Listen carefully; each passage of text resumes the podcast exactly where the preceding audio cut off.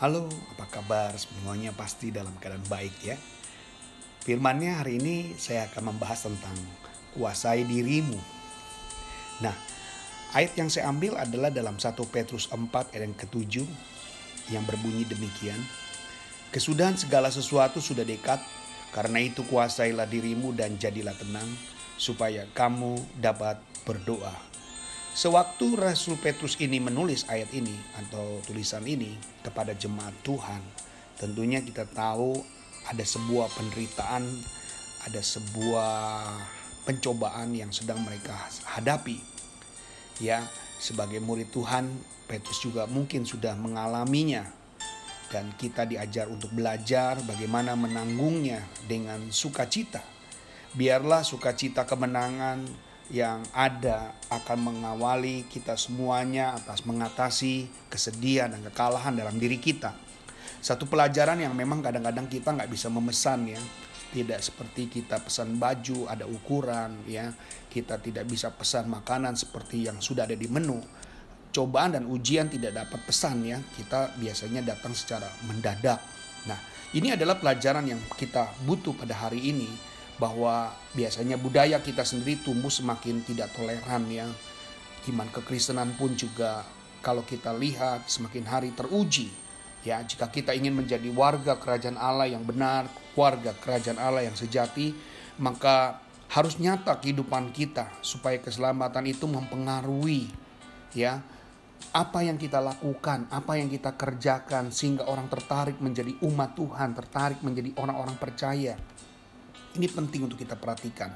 Dan Rasul Petrus memberitahu kepada kita bahwa membutuhkan kekristenan yang dapat dilihat dan menentang apa yang dunia saat ini sedang bergejolak. Bagian kita atau dolongan Petrus yang saat ini diajak kepada kita adalah mari kita tetap mengikut Yesus walau dalam kesengsaraan. Walau kita ada dalam kesulitan hidup, walau kita ada dalam tekanan ekonomi, walau kita ada dalam penindasan, bahkan maut sekalipun Bagaimana tanggapan kita terhadap keadaan yang sulit ini? Mari tantangan-tantangan ini inilah yang akan memperlihatkan ujian sesungguhnya siapakah kita sesungguhnya juga supaya kita paham kita tahu bahwa pengiringan kepada Tuhan tidak mudah pengiringan kepada Tuhan tidak gampang. Nah kesudahan segala sesuatu sudah dekat. Ayat ini berkata hidup ini memang singkat. Ya kita kadang-kadang tidak tahu kapan waktu dan semuanya serba menunggu sumbu kehidupan jasmani kita ya sering kali jadi padam karena kita mungkin uh, tidak beribadah, kita kurang ada komunikasi, kita kurang dekat. Dan ini pengaruh juga. Kita harus meninggalkan apa yang menjadi keseriusan kita kepada dunia. Untuk kedatangan Yesus yang kali yang kedua, kita harus ada dalam keadaan siap. Ujian-ujian ini justru adalah rintangan-rintangan yang mempengaruhi kita. Apakah kita layak, apakah kita sungguh-sungguh, apakah kita bisa. COVID ataupun pandemi COVID-19 ini membuat kenyataan semakin jelas siapa di antara kita ya sudah melihat ada yang sudah berpulang teman kita, rekan kita, saudara kita tanpa sempat kita mungkin diperkenankan untuk melihat jasadnya untuk terakhir kali saja sulit. Mari kita tahu bahwa bukan bagaimana kita hari ini menilai tentang sebuah kematian, tetapi apakah kita layak nggak ada di sana, ada bersama dengan Bapa di surga. Ini yang penting. Saudara, untuk mengerjakan keselamatan saudara bukan ada di surga nanti. Mengerjakan keselamatan saudara bukan nanti setelah saudara selesai mati. Tetapi waktu saudara masih di dalam dunia ini, ini adalah kesempatan untuk melakukan kehendak Allah. Ini adalah kesempatan dari keterbatasan kita yang nanti tidak dapat kita lakukan. Ayo, kita bukan yang mengisolasi diri kita untuk tidak melakukan kebalik kebaikan. Kita tidak perlu mengisolasi bagaimana kita dapat berkomunitas, tapi kita tetap lakukan apa pun caranya. Bagaimana caranya kita tetap bisa mengerjakan apa yang menjadi keinginan Tuhan menabur tetap kebaikan, memberitakan ke, uh, firman Tuhan dan itu sangat penting. Itu sangat berharga, Bapak Ibu. Jangan kita sia-siakan waktu kita. Tetap terus karena kita harus punya satu tekad, kita harus punya satu tujuan. Jangan apatis, jangan sembrono, jangan bertindak uh, saya ah ini bukan bagian saya, ini bagian pendeta. No no no no. Hari ini saudara harus berani untuk mengatasi itu semua supaya tugas kita pun dapat kita kerjakan. Kuasai diri kita. Ini adalah suatu perintah wajib. Secara harafiah kita tidak sedang dalam keadaan mabuk ya untuk menguasai diri kita sedang tidak dalam keadaan stres atau sakit jiwa. Tapi hati ini adalah menerima hal yang masih simpang siur kurang jelas kita harus menguasai.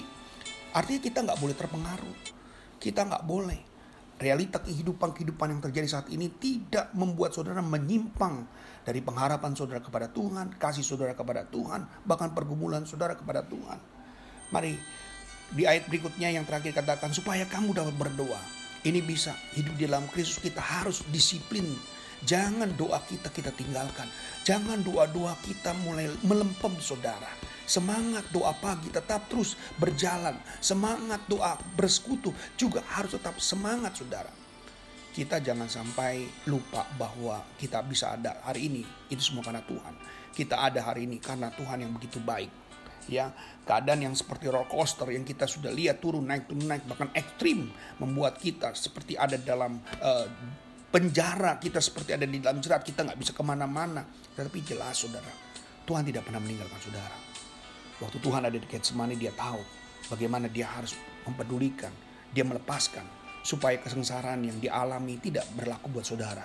Dia sudah tanggung. Mari yang penting saudara bersyukur, berdoa kepada dia, hidup menguasai diri dan sungguh-sungguh kepada dia. Tetap minta tolong kepada dia. Saudara-saudara, marilah satu hal yang boleh saudara catat mengapa kita harus menguasai diri supaya hidupmu tetap ada di dalam dia. Jangan menyimpang ke kiri atau ke kanan, tetap pada firman-Nya. Itulah renungan kita hari ini. Kiranya saudara diberkati Tuhan senantiasa. Shalom. Haleluya. Halo, apa kabar? Semuanya pasti dalam keadaan baik ya. Firmannya hari ini saya akan membahas tentang kuasai dirimu.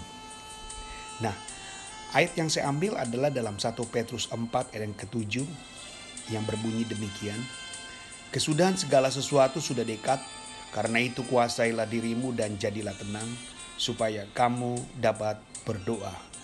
Sewaktu Rasul Petrus ini menulis ayat ini atau tulisan ini kepada jemaat Tuhan, tentunya kita tahu ada sebuah penderitaan, ada sebuah pencobaan yang sedang mereka hadapi. Ya, sebagai murid Tuhan, Petrus juga mungkin sudah mengalaminya dan kita diajar untuk belajar bagaimana menanggungnya dengan sukacita.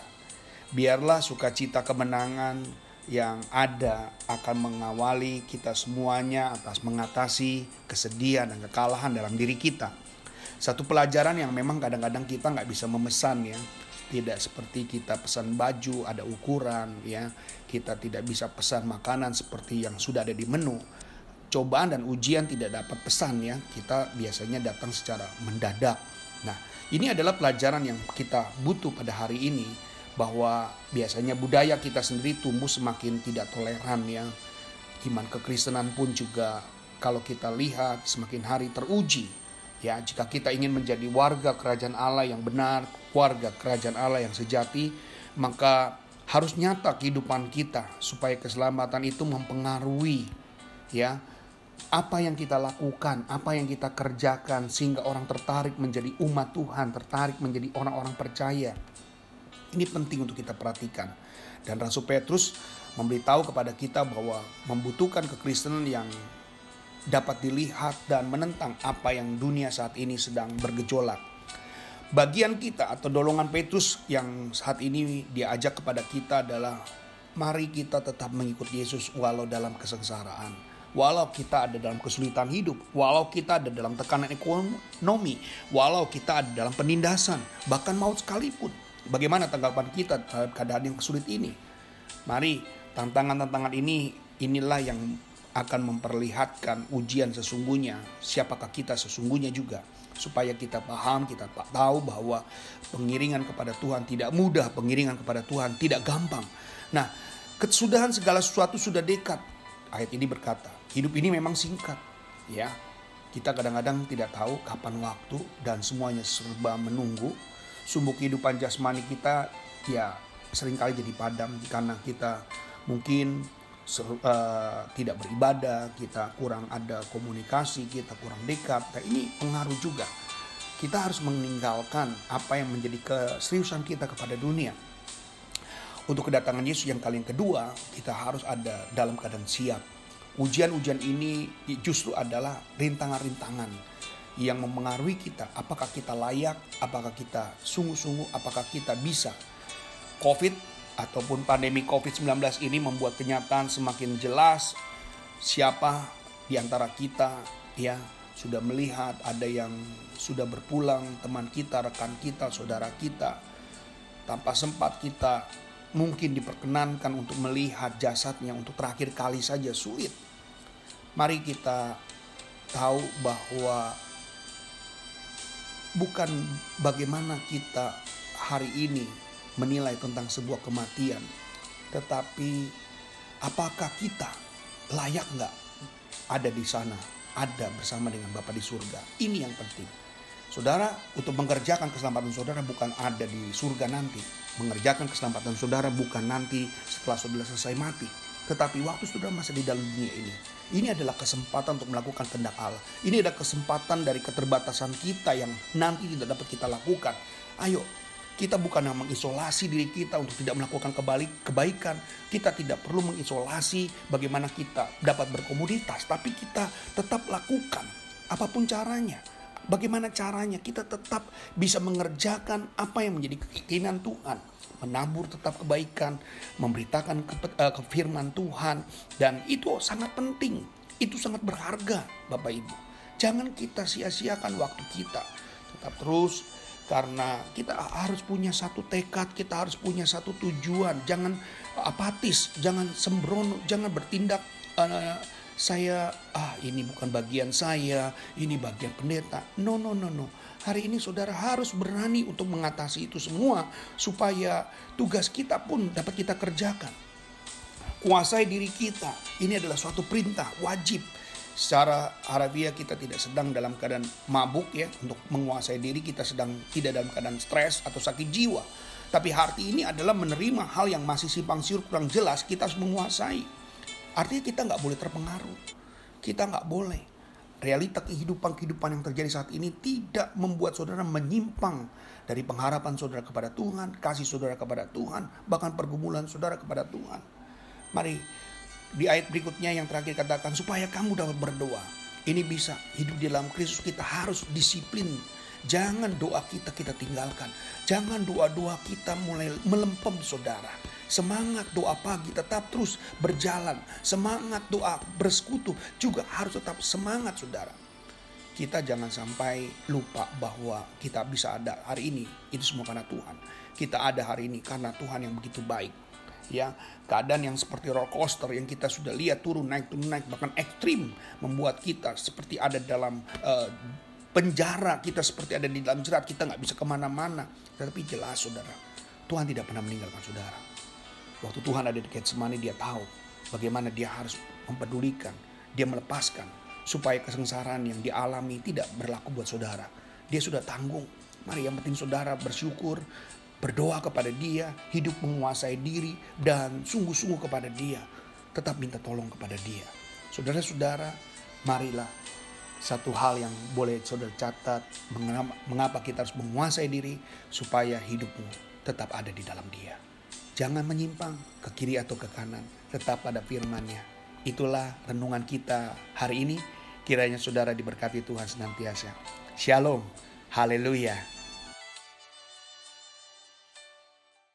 Shalom, Tuhan Yesus memberkati buat kita semuanya. Temanya pada hari ini bicara tentang keselamatan dari Tuhan. Ya, kita baca Keluaran 14 ayat 13 yang berbunyi demikian. Janganlah takut, berdirilah tetap dan lihatlah keselamatan dari Tuhan yang akan diberikannya hari ini kepadamu dalam keluaran 14 ayat 13 ayat tersebut membicara bahwa ketika Tuhan menuntun bangsa Israel keluar dari Mesir ya di mana tantangan-tantangan besar terjadi dan tidak mudah Musa untuk membebaskan mereka karena Musa pun harus mengalami tantangan-tantangan demi tantangan. Ya, ini menunjukkan bahwa perlindungan dan penyediaan dengan memberikan uh, tiang awan di siang hari, tiang api di malam hari, dan juga mana pada waktu mereka minta makan atau minta roti dan burung puyuh waktu mereka minta daging uh, menyeberangi laut Teberau. Banyak hal yang sudah dilakukan pada saat itu. Tetapi ya ia lihat Tuhan membuat di mana mereka mereka bisa melihat keajaiban Tuhan membebaskan mereka dari tekanan demi tekanan. Bahwa Tuhan tidak sekali lagi meninggalkan mereka namun bisa saja ya hal yang seperti yang sudah hal baik disampaikan, hal baik yang sudah diberikan Tuhan tidak ditanggapi juga dengan baik oleh bangsa Israel pada saat itu. Tetap saja mereka menjadi bangsa yang tegar tengkuk ya, mereka menjadi bangsa yang bebal, yang hatinya keras, sering kali menolak perintah-perintah Tuhan. Nah, apa yang kita sering kali hadapi waktu kita dilema di jalan buntu? Ya, apakah kita berarti sedang berada di kendak di luar kendak Allah. Dilema sebagai bagian pembebasan spektakuler yang memberikan harapan kepada kita sedang mengalami berbagai kesukaran hidup. Ya, kesukaran-kesukaran saat ini sudah kita temui dan sudah kita melihat. Tetapi lagi-lagi pertolongan Tuhan tetap hadir. Pertolongan Tuhan tetap tiba. Ya, jadi ingat yang pertama kita bisa pelajari dilema dan jalan buntu yang kita hadapi bukanlah berarti kita sedang di luar kehendak Allah. Yang kedua, ya, rohani yang mengajarkan untuk banyak diam dan mendengar tuntunan rohani dengan pimpinan Roh Kudus yang ada dalam kita. Jadi kita lihat proses demi proses itu dilihat oleh kita sendiri. Bahkan Musa yang menjadi pemimpin mereka meresponi Allah terhadap kebuntuan. Dia dikatakan jangan takut berilah tekap dan lihat keselamatan dari Tuhan dengan kata lain, tinggal tenang, percaya dan saksikan kebesaran Tuhan dan menyelamatkan. Waktu mereka menemukan sumur yang pahit airnya, ya Musa pernah memberitakan kepada bangsa Israel untuk bersorak-sorai supaya air yang pahit itu diubah. Ternyata benar, saudara. Ya, jadi bukan berarti masa-masa kelam kita, masa-masa buruk kita itu menjadi satu rintangan buat kita. Tidak ada Tuhan mau kasih buat rintangan kita, tapi justru Tuhan mau perlihatkan kemampuan rohani saudara, ya kesadaran saudara, kesabaran kita semuanya. Dalam tinggal tenang, kita sedang diajar untuk memperbesar pemahaman akan kebesaran keperkasaan Allah. Kita diajak bertekun dan lihat Kristus sudah lebih dahulu menanggung semua kesulitan dan kesukaran hidup kita. Dan lihat akhirnya Yesus menang. Sering kali kita sering khawatir, ketakutan, ya merasa bahwa kita ditinggalkan. Lalu kita bilang wah kalah nih. Enggak. Tidak. Kita tidak pernah melekat sebuah kekalahan bagi orang-orang yang sudah menjadi pemenang. Justru yang ada adalah kekuatan, kemaksimalan kita akan terus-menerus kita miliki. Ya, jadi pelajaran pertama tadi kita ulangi ya bahwa Tuhan ada dilema dalam diri kita, ada jalan buntu, tetapi bukan berarti kita sedang berada di luar kehendak Tuhan. Dan rohani kita mengajarkan untuk kita mendengar tuntunan roh kudus. Yang ketiga, Tuhan ingin melihat iman kita. Lagi-lagi dia mau melihat iman kita. Kemampuan kita. Bangsa Israel, walaupun mereka pada waktu itu ragu, nggak pernah ada contoh, nggak pernah ada cerita bahwa orang menyeberangi laut. Waktu Musa membawa ketar-ketir keraguan mereka ada. Bagaimana kalau laut Tebrau itu tiba-tiba waktu mereka di tengah semua air laut itu tumpah ruah, artinya mereka mati. Dan mereka melihat air yang begitu tinggi dan mereka berjalan, itu betul-betul bisa dirasakan. Waktu kita ada di sana juga pasti kita merasakan, aduh, aduh, aduh. Jadi itu jalan penuh dengan keraguan. Tapi bukan berarti Tuhan juga, uh, ah ini pada nggak nggak yakin ya. Udahlah aku tumpahin aja nih air. Enggak, Tuhan kita nggak sedemikian ya pada saat yang tepat ia memecahkan kebuntuan kebuntuan kalau anda mengalami kebuntuan-kebuntuan lihat dia memberikan dia selalu memberikan keselamatan buat kita. Ya keselamatan yang daripadanya itulah adalah jalan keluar yang baru. Tuhan membuka jalan dia perlu langkah iman kita. Jadi kita perlu bagaimana kebutuhan itu bukan berarti Tuhan telah meninggalkan dan Anda meninggalkan dan hidup Anda salah. Bukan. Tapi Tuhan mau melatih. Adakah roh Tuhan dan adakah iman yang masih dimiliki saudara dan saya. Saya rasa itu akan menjadi kekuatan buat kita. Ya, banyak berdoa supaya Tuhan berdaulat, banyak berdoa supaya Dia berkuasa atas hidupmu. Di kalau engkau terjebak di jalan buntu, ya Tuhan menyediakan jalan keluar. Ya, ingat jalan buntu Tuhan yang bikin jalan keluar. 1 Korintus 10 ayat 13 pencobaan-pencobaan yang engkau alami ada pencobaan biasa, pencobaan yang tidak pernah melebihi kekuatanmu dan sesungguhnya Tuhan akan kasih kita jalan keluar. Itulah baiknya Tuhan ketika ada masalah, ketika ada persoalan anaknya tidak dibiarkan, tapi dia kasih jalan keluar. Amin. Tuhan Yesus memberkati buat kita semuanya. Shalom. Halo Shalom. Tuhan Yesus memberkati buat kita semuanya. Temanya pada hari ini bicara tentang keselamatan dari Tuhan, ya. Kita baca Keluaran 14 ayat 13 yang berbunyi demikian.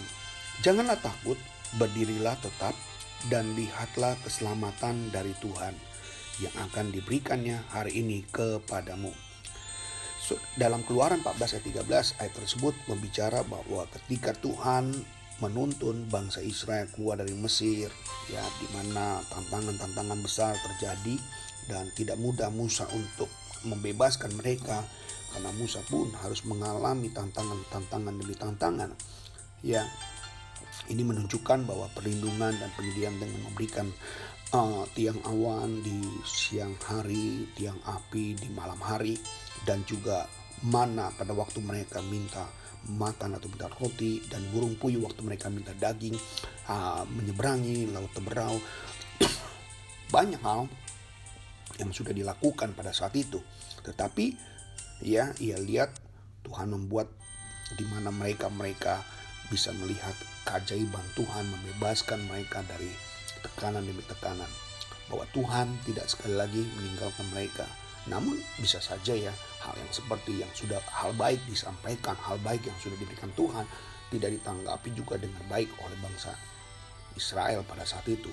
Tetap saja mereka menjadi bangsa yang tegak tengkuk ya, mereka menjadi bangsa yang bebal, yang hatinya keras, sering kali menolak perintah-perintah Tuhan. Nah, apa yang kita sering kali hadapi waktu kita dilema di jalan buntu? Ya, apakah kita berarti sedang berada di kendak di luar kendak Allah. Dilema sebagai bagian pembebasan spektakuler yang memberikan harapan kepada kita sedang mengalami berbagai kesukaran hidup. Ya, kesukaran-kesukaran saat ini sudah kita temui dan sudah kita melihat. Tetapi lagi-lagi pertolongan Tuhan tetap hadir. Pertolongan Tuhan tetap tiba. Ya, jadi ingat yang pertama kita bisa pelajari dilema dan jalan buntu yang kita hadapi bukanlah berarti kita sedang di luar kehendak Allah.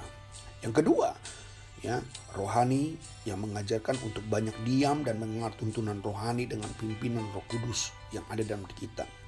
Jadi kita lihat proses demi proses itu dilihat oleh kita sendiri. Bahkan Musa yang menjadi pemimpin mereka meresponi Allah terhadap kebuntuan. Dia dikatakan jangan takut, berilah tekap dan lihat keselamatan dari Tuhan. Dengan kata lain, tinggal tenang, percaya dan saksikan kebesaran Tuhan dan menyelamatkan.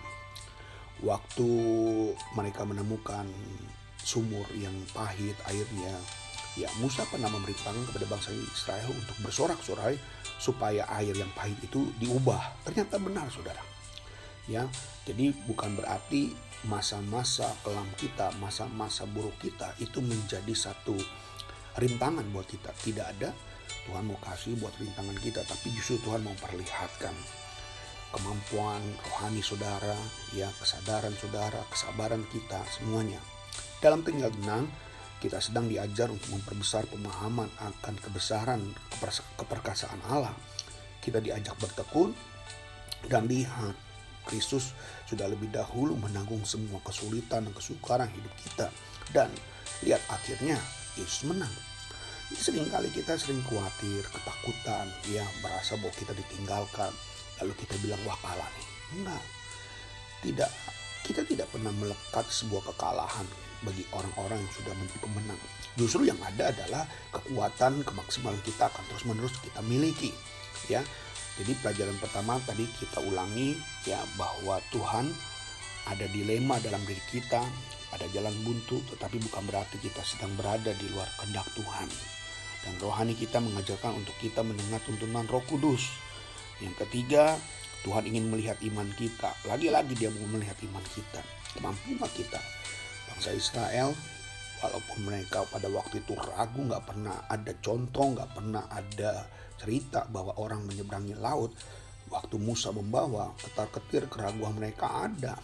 Bagaimana kalau laut Tebrau itu tiba-tiba waktu mereka di tengah semua air laut itu tumpah ruah, artinya mereka mati dan mereka melihat air yang begitu tinggi dan mereka berjalan itu betul-betul bisa dirasakan. Waktu kita ada di sana juga pasti kita merasakan aduh aduh aduh. Jadi itu jalan penuh dengan keraguan. Tapi bukan berarti Tuhan juga uh, ah ini pada nggak nggak yakin ya. Udahlah aku tumpahin aja nih air. Enggak. Tuhan kita nggak sedemikian ya.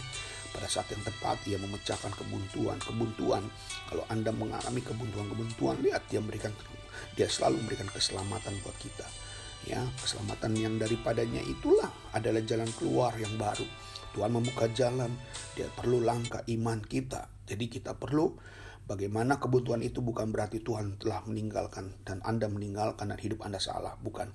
Tapi Tuhan mau melatih. Adakah roh Tuhan dan adakah iman yang masih dimiliki saudara dan saya. Saya rasa itu akan menjadi kekuatan buat kita. Ya, berdoa supaya Tuhan berdaulat, banyak berdoa supaya Dia berkuasa atas hidupmu. Di kalau engkau terjebak di jalan buntu, ya Tuhan menyediakan jalan keluar. Ya, ingat jalan buntu Tuhan yang bikin jalan keluar.